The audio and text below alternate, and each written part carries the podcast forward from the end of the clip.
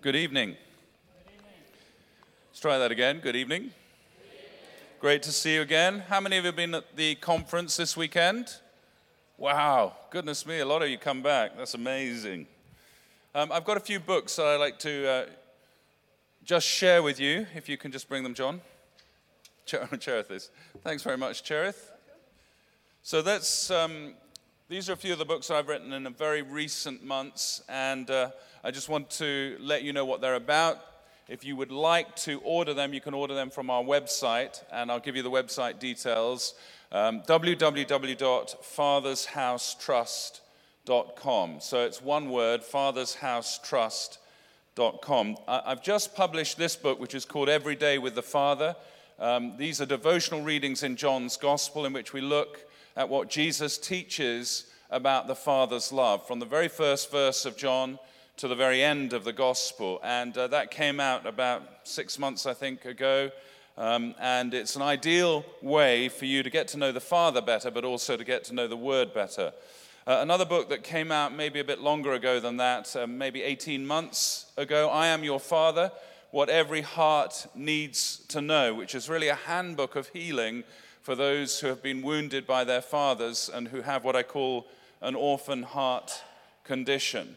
Uh, we also sell this book, the 100 verse Bible, which is the smallest book actually I've ever written, but it is also perhaps the most effective in many ways. In the first year, and it's only been out, I think, about 14 months, 15 months, something like that. In the first year, it sold 20,000 copies in the UK, and it's been mostly bought by non Christians who are Seeking God. It's a very small book that takes the whole of the Bible, 100 verses from the Bible, from Genesis to Revelation, tells the story of the Bible, but from the perspective of the Father's love. And we've had many wonderfully encouraging testimonies from this book about lives that have been changed. I'm going to ask John to give out copies of these books to anyone that he thinks really might benefit from them. So, John, if you'd like to do that now because we don't want to take these back. There are some underneath the chair as well. So we've got a few copies. John, as the Lord leads you, go and give these gifts to somebody that looks like they might need it. Yeah, there's some people waving. Suddenly the Norwegians have become hungry. Here we go. Did you not give one to Mrs. Cave? Just gave Mrs. Cave a blessing.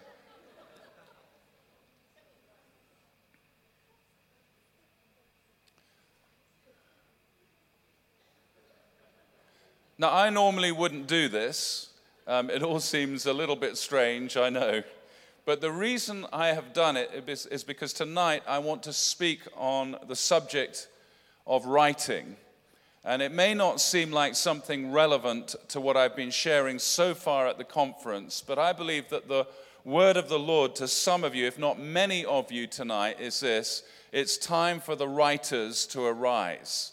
And one of the things that I'm absolutely sure about is this that in the coming move of the Holy Spirit, there is going to be a terrific release of creative artists.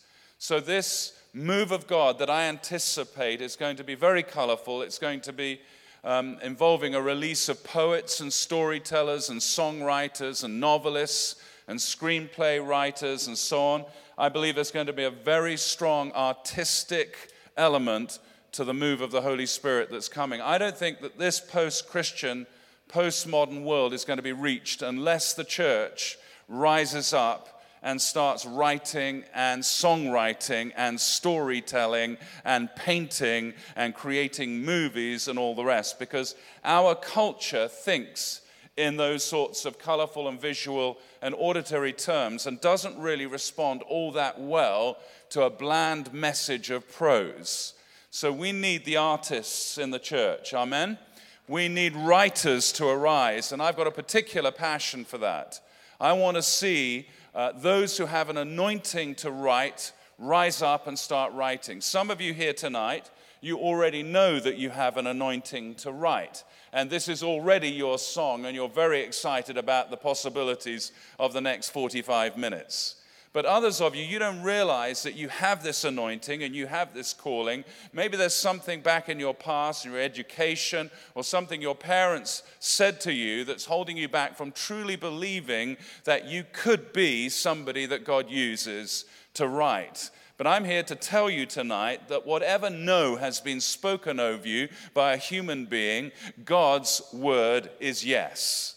So he's calling you, I believe, many of you to write. Some of you know this, and others of you don't. But I hope by the end of the message, you will, all of you who are meant to know it, will know it. Now, the verse of Scripture, or verses of Scripture that have been very important to me in this whole business of calling the writers to write, is Revelation chapter 1 and verse 9. And if you have a Bible, please turn to it. The context is this John, the apostle, is in prison on the island of Patmos which is in the Aegean Sea. I've visited it. It's extremely barren. It's a horrible place to be in chains. But that's where John was because of his faith and his stand for Jesus in the time of Roman persecution. In the first century AD, the world was under Roman rule, and uh, the Roman persecution of Christians meant that John was in prison. So he writes this I, John, am your brother and your partner in suffering and in God's kingdom and in the patient endurance to which Jesus calls us. I was exiled to the island of Patmos for preaching the word of God and for my testimony about Jesus. It was the Lord's day, and I was worshiping in the Spirit. Suddenly, I heard behind me a loud voice like a trumpet blast, and it said, Write in a book everything you see, and send it to the seven churches in the cities of Ephesus, Smyrna, Pergamum, Thyatira, Sardis, Philadelphia, and Laodicea. Now, I want to just give you a little bit of context. John says here that it was the Lord's day. There's some discussion on the part of scholars about what on the Lord's day actually means. Many people think that it means the day of the Lord, as in the Lord's Day, Sunday, the day on which Christians worship. But some scholars believe that it means something actually much more distinctive than that. Not Sunday, the Lord's Day, but rather the day on which, Je- uh, on which Caesar, the Roman emperor, um, was proclaimed as Lord. You know that in the ancient world, in the first century, the Caesar, the emperor, was regarded as a god.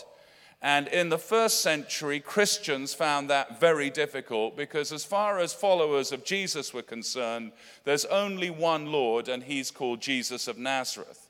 So, on the Lord's Day, this was the day of the birthday of the emperor, in which every member of the Roman Empire was required to go into the local amphitheater or large stadium and to burn incense and proclaim Caesar is Lord and God. Now, Christians couldn't do that because Jesus, for Christians, is Lord and God, not Caesar. And so, John here is in chains on this island and it's on the day on which Caesar is being proclaimed as Lord and God throughout the empire that he is caught up in the Holy Spirit and he has an extraordinary vision of Jesus. That's what the book of Revelation essentially is. It's a revelation, an unveiling, a disclosure of the wonderful, supreme personality of Jesus Christ, the ascended, risen, glorified Lord. So, at the moment of maximum discouragement, when on the Lord's day, on the day on which Caesar is being proclaimed as Lord, John has this extraordinary uplift in the Holy Spirit. He doesn't look down at his feet and moan. He looks up into heaven, and by the Holy Spirit is given a wonderful vision of who Jesus is. You know, sometimes you just need to know that when the world's in a mess, Jesus Christ is still on the throne. He reigns and He rules. And whatever you're going through, whatever I'm going through, however many trials and tribulations, Jesus still rocks. He is in charge and He rules. So that's what John's going through. And the book of Revelation comes out of this furnace of suffering and persecution. And it begins with this call to write. If you notice in verse 11, John is told to write in a book everything that he sees. In another translation, it says, Write what you see in a book. John's great gift already was writing. I'm presuming that this John on the island of Patmos was the same John that wrote the Gospel of John. I love the Gospel of John. The book I showed you earlier, Every Day with the Father, is 366 devotions uh, about the Gospel of John and from and in the Gospel of John. So, this is a gospel that I absolutely love. I think that John's storytelling craft, his ability to tell stories, is exceptional within the biblical literature. John has been described as a magic pool in which children can paddle and elephants can swim. That's a great description of the gospel. I'll say it again. It's like a magic pool in which little children can paddle and elephants can swim. In other words, it's got extraordinary depths to it. So, John, when he wrote his gospel, exercised a gift of writing.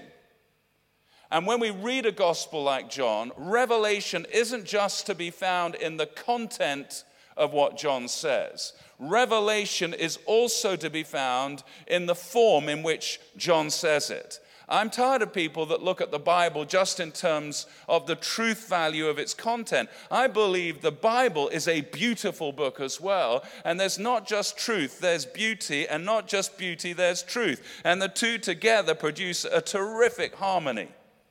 So, John's gospel is a magnificent example of revelatory literature. He is already a great writer, perhaps the greatest writer of the entire biblical canon. But now he's in chains, he's in the stocks, he's in prison on a barren outpost in the Roman Empire in the middle of the Aegean Sea in blazing, searing sunshine. And now he is caught up in the Holy Spirit. It's time to write again. And the Holy Spirit says to him, Write what you see in a book. Now, I just want to take those words tonight and look at them briefly because I believe that that is a call to many of you. Write what you see in a book. If you're going to obey that call, then you've got to do two things. The first thing you've got to do is you've got to see something. And the second thing you've got to do is you've got to write something. And it seems to me when it comes to seeing, God takes the initiative in your life. When it comes to writing, you take the initiative in your life. The treasures of discovery are found in the field of discipline. The treasures of discovery are found in the field of discipline. What do I mean by that? You cannot sit back on your backside and expect revelation and books just to fall into your lap. You have got to plow the field of your particular craft. And you've got to do that with discipline over a period of time because the treasures of discovery, the gems of revelation that the Father wants to give to you, are found in the field of discipline. If you have a call upon your life to write and you are not doing anything about it, you cannot expect to have great stories, great thoughts, great ideas come to you by osmosis. You are going to find discovery, you're going to find the great things that the Lord wants to give you in the field of discipline. So we want to see something and we want to write something. Let's think about seeing something. What I think we're talking about here is the gift of prophecy. I'm really excited by this one thing. I'm excited by the thought that there might be a coming together, a synergy in the years ahead between the writing creative arts and the gift of prophecy. I wonder if anyone else is excited by that. That there might be a synergy, a convergence, a harmony between prophecy and creativity. Do you like the sound of that? That your natural ability to do something creative might be harnessed to the gift of prophecy, the ability to see things in the Holy Spirit. You imagine how exciting that would be. When you look back at the great works of literature in the past, you can see that certainly some of those have come out of the experience of revelation, particularly if they are Christian authors. By my bed at the Caves House, there is a Norwegian translation of C.S. Lewis's great book, The Lion, the Witch, and the Wardrobe. I expect most of you have read that book. It's probably the best selling work of Christian fantasy literature of all time. I'd be very surprised if most of you haven't read it or heard of it. And you will know that right at the center of that story is this lion called Aslan.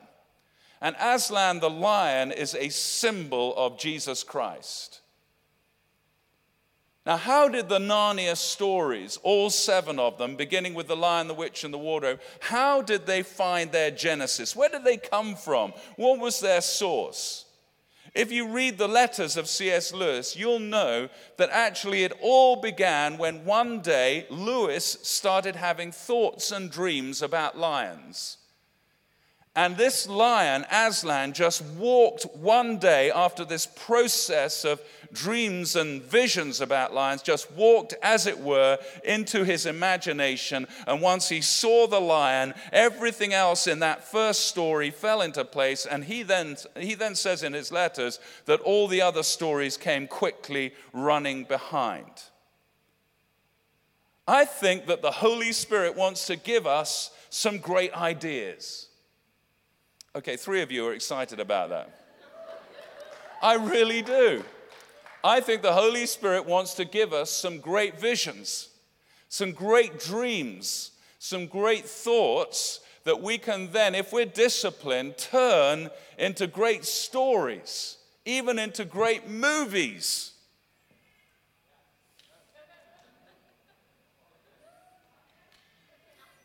I wonder if you've seen a film called Limitless, starring Bradley Cooper. Interesting movie about a character who's fallen on hard times because he's basically lazy. He's a writer, and the film begins with him having to hand in a manuscript for a book to his publisher. Uh, the only problem is that the day has arrived, and he's sitting at his computer and he hasn't even written the first word. If you're a writer, you'll know this is a horrible experience. And then he comes across his brother in law. He hasn't seen his brother in law for a long time, and his brother in law is involved in a very illegal pharmaceutical crime. He's got hold of this drug, and this drug can activate parts of the brain that lie dormant. Most of the time, we only ever use 20% of our brains. The rest of the 80% of the brain is inactive. But this drug that the brother in law gives to, um, to this character, Eddie, activates all 100% of the human brain. And Eddie, Eddie, takes this drug. Uh, initially, he's a bit reluctant because he doesn't know whether it's going to harm him or not. He takes the drug, and then suddenly he can see things. And he writes the book in about three or four days that he was supposed to have written, hands it into the publisher, and the publisher is amazed because, frankly, it's the best thing that she's ever seen. The, the movie is called Limitless. And I'm watching this thing and I'm thinking, you know what? We've got something better than a drug that doesn't have any side effects, because, boy, there are side effects in this movie. We have the Holy Spirit. I'm going to come down here because I'm convinced some people need waking up. just going to wander around for a minute. We have the Holy Spirit, right? And with the help of the Holy Spirit, we have access to a realm of ideas, a realm of thoughts, a realm of creativity that the world doesn't have. And when we access this, the side effects are beneficial, they're good. You know what it is? It's called the kingdom of heaven. If you're a creative person, I don't know if you've ever thought like this before, but if you are a creative person, you can by faith reach up to heaven's storehouse. You can reach up to heaven's library. I'm actually convinced that there are books in heaven's library with your name on it. They haven't been published on earth yet, but they're there in heaven. There are CDs in heaven. They've got your name on them. They're waiting for you to get into this access. Does this make any sense? I think there are paintings in the Father's house in heaven. They've got your name on them. They're just waiting for you to get off your backside and by faith take hold of the picture that's already there. We have access to a limitless realm of revelation. Am I waking you up yet? You're getting worried I'm going to come near you. So I'm coming down here now. We have access to an unlimited realm of revelation. Hello, Norway. Hello. Hello. Good evening. Hakapiling.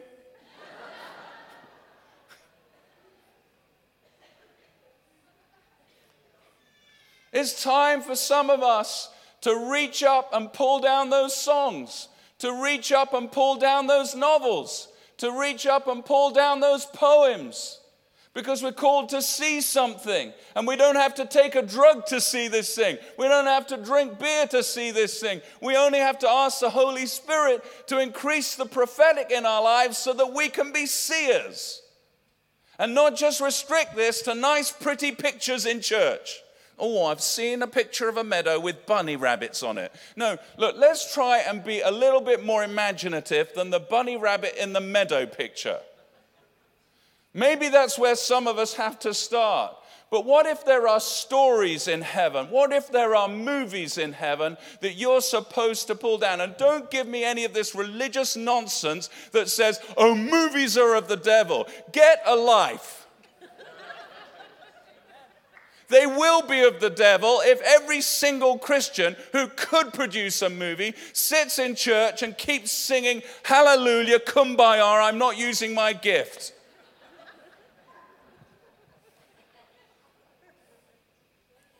You've got to learn to see something that's more than just fluffy bunnies eating carrots in meadows next to Norwegian streams. What if there are lions like Aslan waiting to be pulled down from heaven to appear in your dreams? What if there are Narnia like chronicles ready to be written again? And what if the church is asleep? You might say, Well, my life is very restricted. I haven't got very much time to see anything. Listen, you cannot get more restricted than being on some back backwater island in the middle of nowhere in chains. That's called restricted. In the place of restriction, John of Patmos reached up to heaven because even though he was physically bound by his circumstances, his imagination was still free to soar because he had allowed his imagination to be baptized in the Holy Spirit. And frankly, it's time we allowed ours to be too. I hope I'm not annoying anybody tonight. I just feel a bit strongly about this. It's time to see something that's more than just pretty pictures for church people. It's time to see some stuff that's going to rock cinemas and rock pop concerts and rock the bestsellers lists in Norway's books. It really is. We can talk about these glory zones, we can talk about these open heaven zones. I believe this church, particularly Imi Kirken, is an open heaven zone. I believe there are writers, there are artists, I believe there are storytellers, I believe that there are highly creative people already in this congregation. Some of them I think have already been released, but I, I will say this to you I don't think you've seen anything yet. This world is not going to be reached without writers and artists and musicians and singers and storytellers and filmmakers. Oh, for a church that breaks out of the box. Isn't it time? It's time to see something. Turn to your neighbor and say, It's time to see something.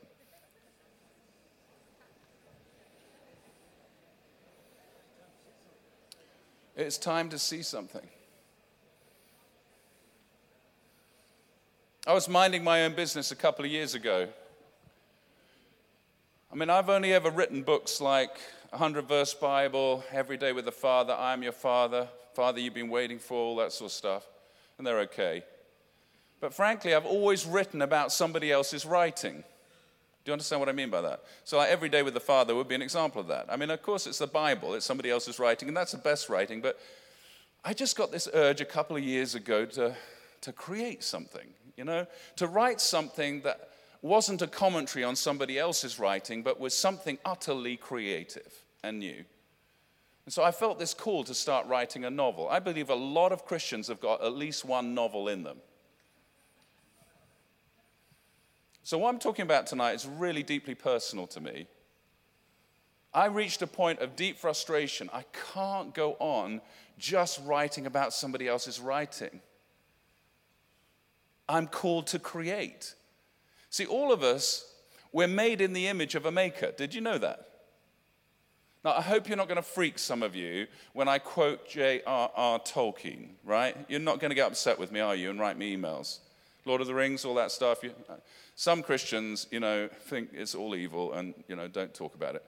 I'm just happen to be one of those. I think Tolkien was a Christian writer who was trying to use fantasy to reach people with a Christian worldview. That's what I think. He doesn't conform to the religious norm, but you know what? I really like people that don't. Tolkien said in an essay called Fairy Tales that every single one of us is what he called a sub creator.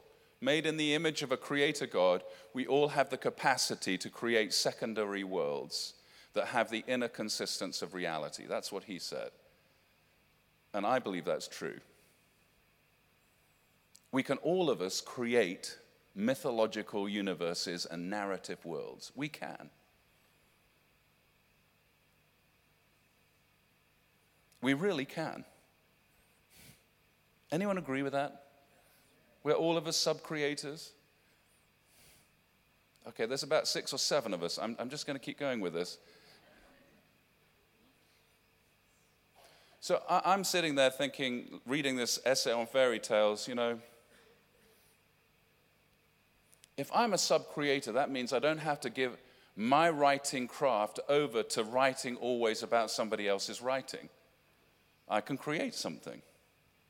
I can create something de novo that's from new, that hasn't been created before. And as I'm thinking that, I'm one day on a prayer walk with my dog, and I have this thought. What if Jesus were to tell the parable of the prodigal son today? In the 21st century, what would it look like? And as I asked that question, suddenly into my imagination came this figure. I can see him now. He's a father. He's married and he has two little boys. And the, the novel that came out of this father figure, which I'm writing at the moment, is all about a dad who runs away from home. Because I believe in the 21st century, it wouldn't be the son who leaves the home, it would be the father. Because we live in a world of absent fathers. So my novel begins with this sentence There was a man who had two sons who was about to make the worst decision of his life. That's the first sentence. And the rest has just flown from it, and I'm going to complete in the next six months or so. I believe God's wanting to give us creative ideas. Things that look different from the way that things have been done before, but things that are going to serve His purposes in our generation. And I believe that they're not going to be obvious. Do you know what I mean? I hate obvious Christian writing. Do you understand what I mean by obvious? It's when the, the writer uses his craft to preach. I don't think we can afford to be obvious. We've got to learn to be covert, unobvious, rather than obvious. Because after all, Jesus, the greatest storyteller who's ever lived, he used parables. Parables are not obvious, they don't convey a message in a direct and very explicit way. I'm sure that many of the people that heard the parables, especially the Pharisees, later on, maybe a week or a month later, reflecting on the story, suddenly thought to themselves, Did he say what I think he said? Was he criticizing me? See, we can be too obvious as Christians, and I think I want to suggest that we need to ask Jesus, the greatest storyteller who's ever lived, to give us that ability to access a realm of ideas, a realm of revelation, a realm of the prophetic that actually manages to convey truth in a very implicit rather than explicit way. That's what the world's waiting for. And so I want to say it's time to see something. Second thing I want to say, don't worry, I'm stopping. I'm, going to, I'm not going to wander around anymore. At least I don't think I am. The second thing I want to say is write something. Write something. Just start writing something. Start writing a blog. You can do that. Just put a blog up. Put your thoughts up. Just start writing. Blogging's great. If you've seen the film Contagion, you will, you'll see in that film there's a great definition of blogging. Blogging is graffiti with punctuation. It truly is. Just start writing on walls. It's probably best not to do that in Stavanger on actual walls because you may get sent to prison.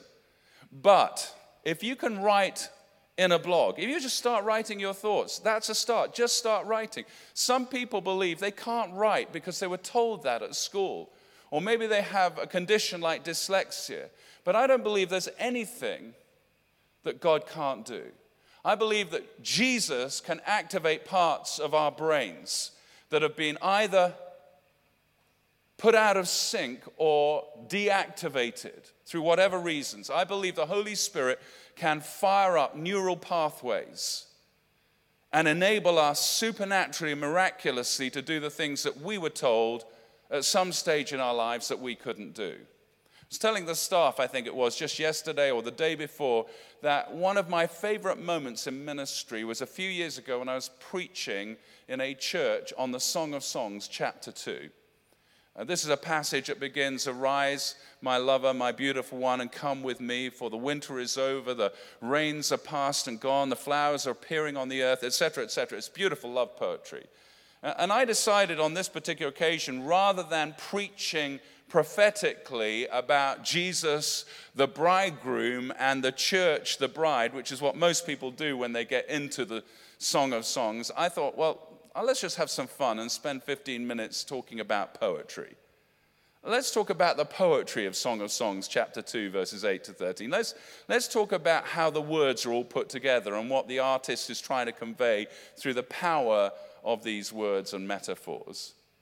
Uh, and while I was doing that, there was a girl sitting in the congregation. She was about 16 years of age. She had profound dyslexia. And, and the following week, she was supposed to be taking her exams in English literature and English language. She was terrified of those exams because she didn't understand the way language worked and she didn't understand literature at all as a result.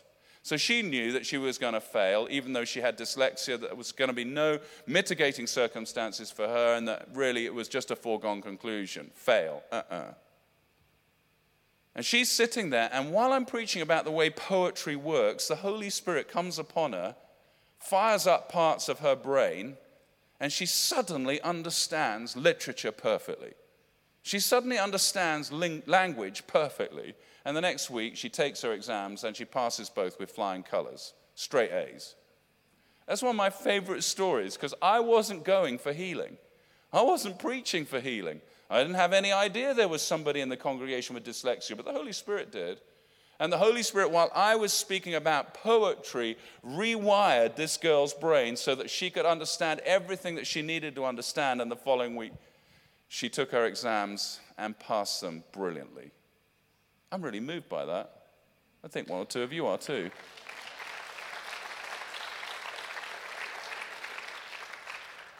I think we can all write. I really do. Some of you have been told that you can't, some of you think that you can't, but we all can because we're all of us made in the image of a creator.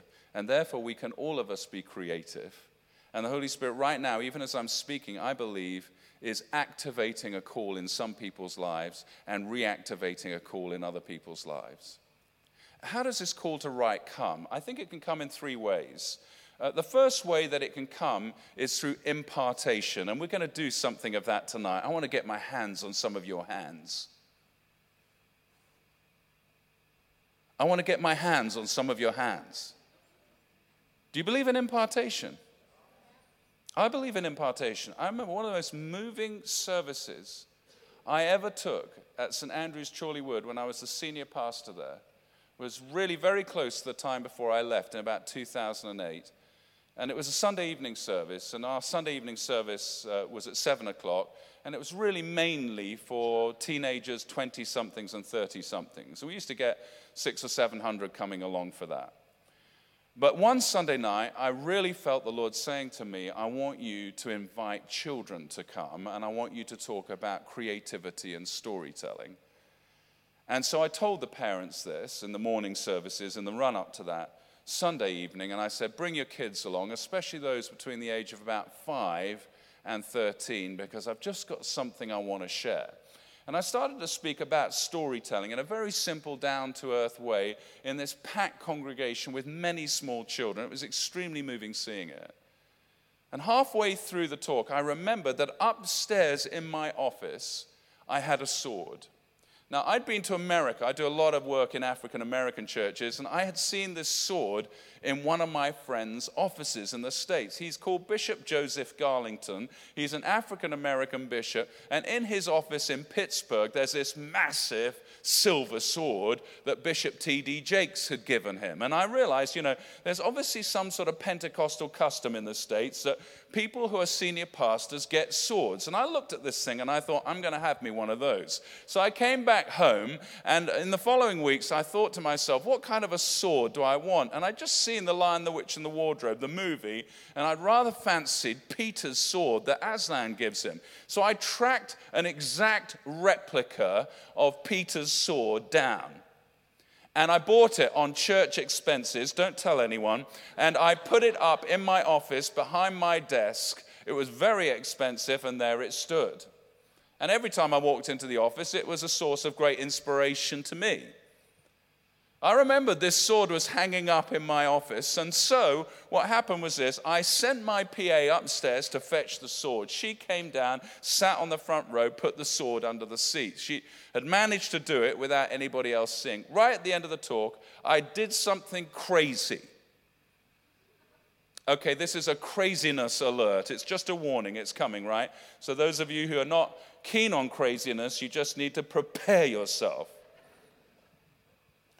I said to the children, if any of you want to have an impartation to write stories, then come forward and I'm going to use my sword. It's Peter's sword from The Lion, the Witch, and the Wardrobe. Well, at that point, when the PA brought it to me, all the kids went wild. You can imagine. I told you it was crazy. And I said, I'm going to knight you. Because in England, I don't know what it's like in Norway, but we have this custom. You know, the Queen knights people, taps them on the shoulders, and they rise up as knights, Sir Mike or whatever. And I watch as about a hundred children come to the front, and they kneel down in front of me, and I knight them and they come under the power of the Holy Spirit, including my youngest son, Sam, who'd never experienced the Holy Spirit before. That was a, a crazy moment. And I'll tell you how it happened. Sam hadn't actually come to the front. He was sitting on the front row and he was eyeing up my sword. He rather fancied the sword. He was only about eight or nine at the time. And so when I'd done knighting people, I took the sword over to Sam. I said, Stand up, Sam. He stood up. I said, Right, I need somebody trustworthy to look after this sword. And so I'm giving it to you. I want you to hold it, and I want the tip of the blade to be down on the floor, and you're not to move until I come back. He said, Okay, Dad. And you could see he was kind of like, Wow, Dad's giving me the sword. Oh, how cool is that? My friends are really going to be impressed. Only problem was, as he took hold of the sword, he flew six feet backwards under the power of the Holy Spirit and was back on his back for about an hour and a half, getting visions and dreams. So I had to give it to someone else. As a little aside, I just want to tell you that one of the other things that happened that night was that there was a guy there who really didn't qualify as a young person or a child. He was in his 40s. And he got really, really cross. He had a bit of an orph, an orphan moment about not being invited forward to being knighted. He was cross with me. About a week later, he sent me an email, and it said this I was really angry with you that you didn't call people over the age of, I think it was about 13 or 14 forward. I'm in my 40s. Because I really wanted to be knighted. But he said, I want you to know this that the next day I went to Buckingham Palace and I went to be actually knighted by the Prince of Wales. I don't know what it was for, But Evidently, he said, what happened was this when I knelt down in front of Prince Charles and he got his sword out and he touched the tips of my shoulders with his sword, the same thing that happened to those children the night before happened to me. And I came under the power of the Holy Spirit. I was floundering on the floor like a wet fish and I was chundamagundering, you know, speaking in tongues. And then I got up brushed myself down, and Prince Charles looked at me and said, Well, that was frightfully interesting. So he said to me, I was cross with you, but I'm not anymore because whatever it was they got the day before, I got it the day after. How many of you believe in impartation now? Now, why am I telling you this? Is because I have some very dear friends who live in New York. The father of the household used to be my right hand man at St. Andrew's Church in Chorleywood. He was the associate vicar, Andrew Williams, whom Martin and Irene know well. He's now leading a very, very exciting church just outside New York in Greenwich Village. And he's living there in a great pastor's house with his wife, Eleanor, and his three wonderful daughters, one of whom, the oldest, is called Katie, and she is now about 14 years of age. I hadn't seen any of them in a number of years until last year. I managed to find my way in between conferences in America to Connecticut, and I went to stay the evening, the night, with Andrew and his family. And we're gathered around this kitchen table, and we're having supper one evening and having a great time reminiscing about better days uh, leading churches. And, and suddenly, Katie, the the oldest daughter says this um, Oh, by the way, um, I've been writing poetry. So I said, What have you been writing poetry about? And she began to describe, and I got excited because the, the substance of what she was saying was so much greater than the years that she had. So I told her to go get her poems, and she went upstairs and she got this large hardback journal and she sat at the kitchen table, and it was beautifully produced, handwritten poems, and wonderful pictures and sketches and drawings and the like. And I took hold of it and I started to read just on my own while everyone else was talking. And then I told everyone to be quiet. And everyone was quiet. And I said, I just got to read you something. And I started to read out some of Katie's poems and the power of heaven invaded the kitchen because these poems were deeper than some of the stuff that I studied as an English literature student back in the early 80s. This stuff was magnificent. For a 14 year old, it was off the charts. She'd been winning prizes at school and I said to her, When did this start, Katie? She said, Oh, I can tell you when it started. I was one of those kids that came forward, united me, and ever since then, I haven't been able to stop writing poems. I really believe in the power of impartation. I really do. And so I want you tonight, in a few moments, to believe that if there is a prayer for you, that something's going to be imparted into your life that's beyond your wildest dreams and comes from a limitless realm called the kingdom of heaven.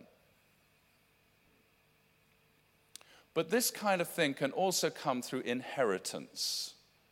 Not just impartation, but also inheritance. What do I mean by that? Some of you have writers in your background. They may not have been Christian writers, but some of you have got artistically gifted people in your family tree. Maybe a grandfather, a grandmother, or a great grandparent, or a great uncle, or something like that. And there may be something that's come down the line that you can take a hold of tonight. It may not be that that person themselves was artistic, but that they had access to somebody who was. One of the fun times that I had at St. Andrews as a leader of a church was in about 2007, I decided we'd have a Narnian Christmas. Uh, and what this involved was turning the whole of the church into Narnia. It was fun, and we did it really well. So, the whole of the entrance to St. Andrew's Church for the whole of December that year was turned into a wardrobe door. So people went into church not through a regular church door, but through an exact replica, huge scale, of the wardrobe door in The Lion, the Witch, and the Wardrobe movie. We got permission for it and everything. we got fur coats from every single person that had one in the church, plus all the second-hand charity shops in the region. We had about 150 fur coats, so that when people came through the wardrobe door, in, a fur coat is a coat that's made of animal fur. And it's, it's basically the, the coat that you find that's in the wardrobe and uh, when they go through the wardrobe door. Lots and lots of coats made of animal fur. So we got lots and lots of those, and they were hanging in the foyer, the entrance of the church. So people, when they came in, they were jostling with these coats. And then they went into the sanctuary, this part of the church. And that was turned into the landscape of Narnia. There was fake snow falling from the ceiling. There were fir trees everywhere you looked. There was a great big lamppost at the front. There was a stone table cracked in the center over on the left. And people came in in their thousands to our Narnian Christmas, most of them non Christians. It was a great time. I remember the final service because I spent the whole month preaching on The Lion, the Witch, and the Wardrobe and, uh, and, and about C.S. Lewis. The last, last service was fascinating because I'm sitting in a chair being interviewed by our children's pastor who throws in a question that was not actually agreed beforehand, but he just decided to do it. And the question was this it all basically had to do with my background. My father knew C.S. Lewis. And so he had access to C.S. Lewis on a regular basis. My father was a student at Oxford University before and after the Second World War, and Lewis chose my father and five other students to invest in personally over a period of three years, had dinner every Tuesday night with my dad. And this children's pastor knew this, so he throws in this question. He said, Mark, do you think your ability to tell stories and to write might have something to do with the fact that your dad was a writer and he was impacted by one of the greatest writers in the 20th century? And I'm sitting there in the chair, and the power of the Holy Spirit comes upon me, and I can't speak. Because I suddenly realize that I've been adopted into an inheritance and that it's a gift to me that something has come down that line that I need to take a hold of and celebrate and give thanks for because it's from the Lord. I believe we can get this by impartation, we can get this by inheritance, we can also get this by instruction, just by plain teaching. I'm teaching you now. Write down in a book what you see. There's seeing and there's writing. Get seeing. Embrace the prophetic more in your life as it relates to the creative gifts. But also get writing because the Lord wants writers.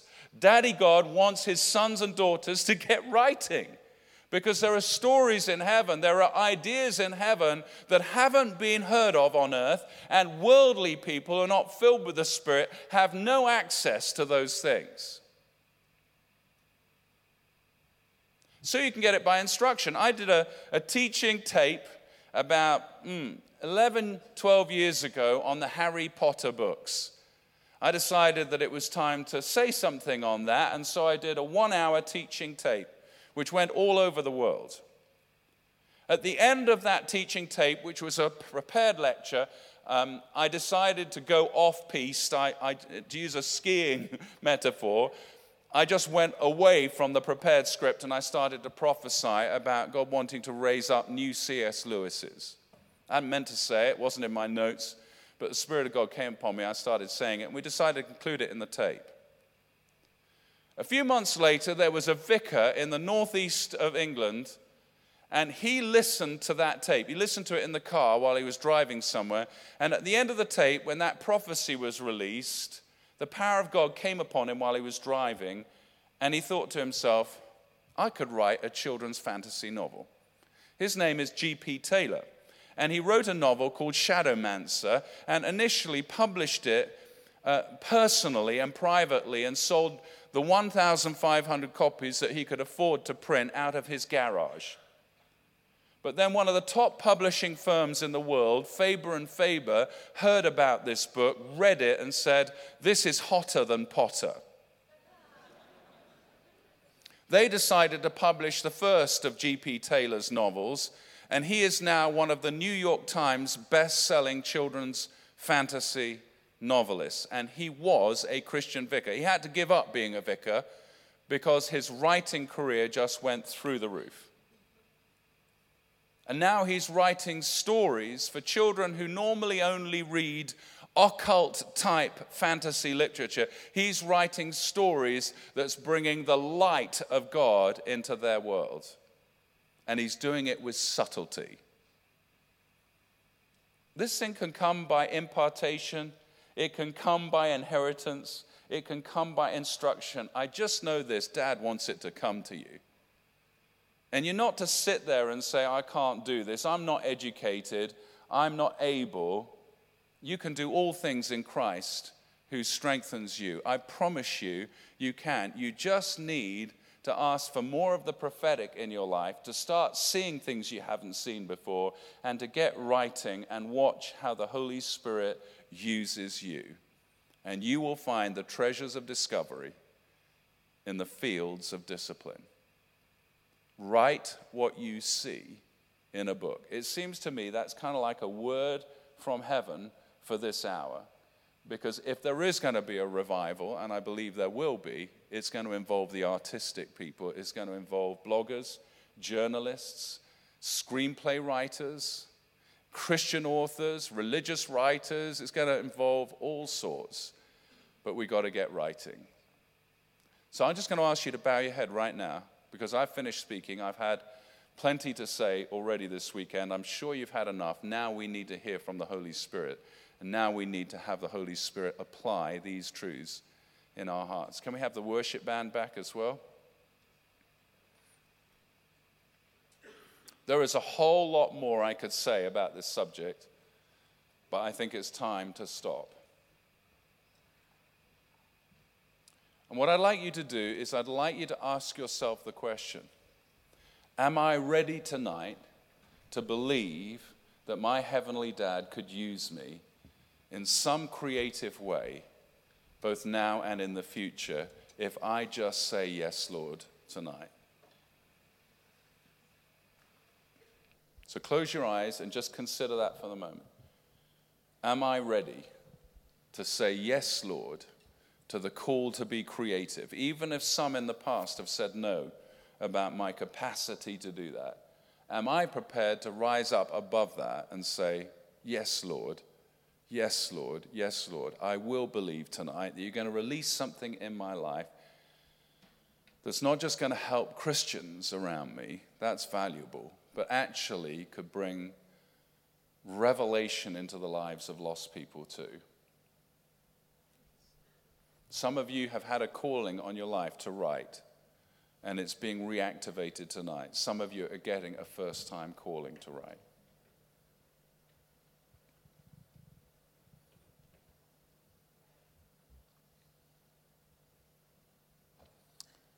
Now, I really want to pray a prayer of impartation for people at the front.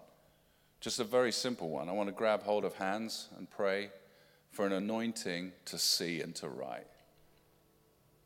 If you're ready for that, if that's something that you want, at the end of this weekend conference, all I'm going to do is I'm going to pray for you. Not a long prayer. I'm not going to stand there and prophesy for 20 minutes over you. I'm going to do what I did with the children. I don't have my sword with me tonight. It's not easy traveling with a sword on an SAS aircraft. But I do have faith in the power of the name of Jesus and in the significance prophetically of this message. So, if this is something that you'd like, I want to ask that you start making your way to the front. And I'm going to pray for you very, very briefly.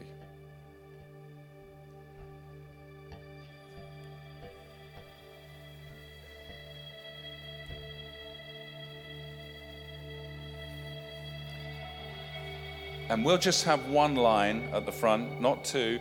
So you, you, need to stop in the aisles as soon as the line gets full because we're going to pray briefly for each of the person, uh, each of the people who are standing at the front, and then they can go if they're able to go, and then those of you who are waiting can start making your way to the front.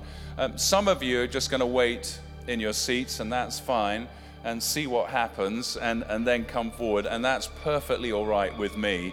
Uh, there's not an extra anointing for those who came first. Sorry, guys. There isn't. You make your way to the front when you are ready, okay? Um, have we got any ministry team here tonight? Okay. What I want the ministry team to do is just simply wait at the front, okay, until I'm ready um, to use you. But the impartation prayer must come from me in the first instance. And then when I've done that, you can come in and pray on the back of that. Where's Cherith and John? So, John and Cherith, my team, will pray with me and uh, help me with the impartation process. I, I want to say this is for all ages, right? But there is a special grace right now upon the young for this. And if you're a young person, if you're part of the emerging generation and you're still sat out there, you really need to get to the front as soon as possible. This is an intergenerational anointing, it's for every age group. But it seems from what I've experienced as I've ministered this that there is a special grace and a special call for those who are between the age of about three right now and 30. So if that's you, just take heart because God's got a plan to activate something in your life. Okay, those of you who are not receiving ministry, I'm sure the worship band will want to lead us in some songs uh, because songs are creative and that's appropriate. So you can join in with that and start praising. And if you want to come later to the front, you can. But the point now is impartation. So let's pray together corporately, briefly, and then I'll hand over to you if you want to say something, do you?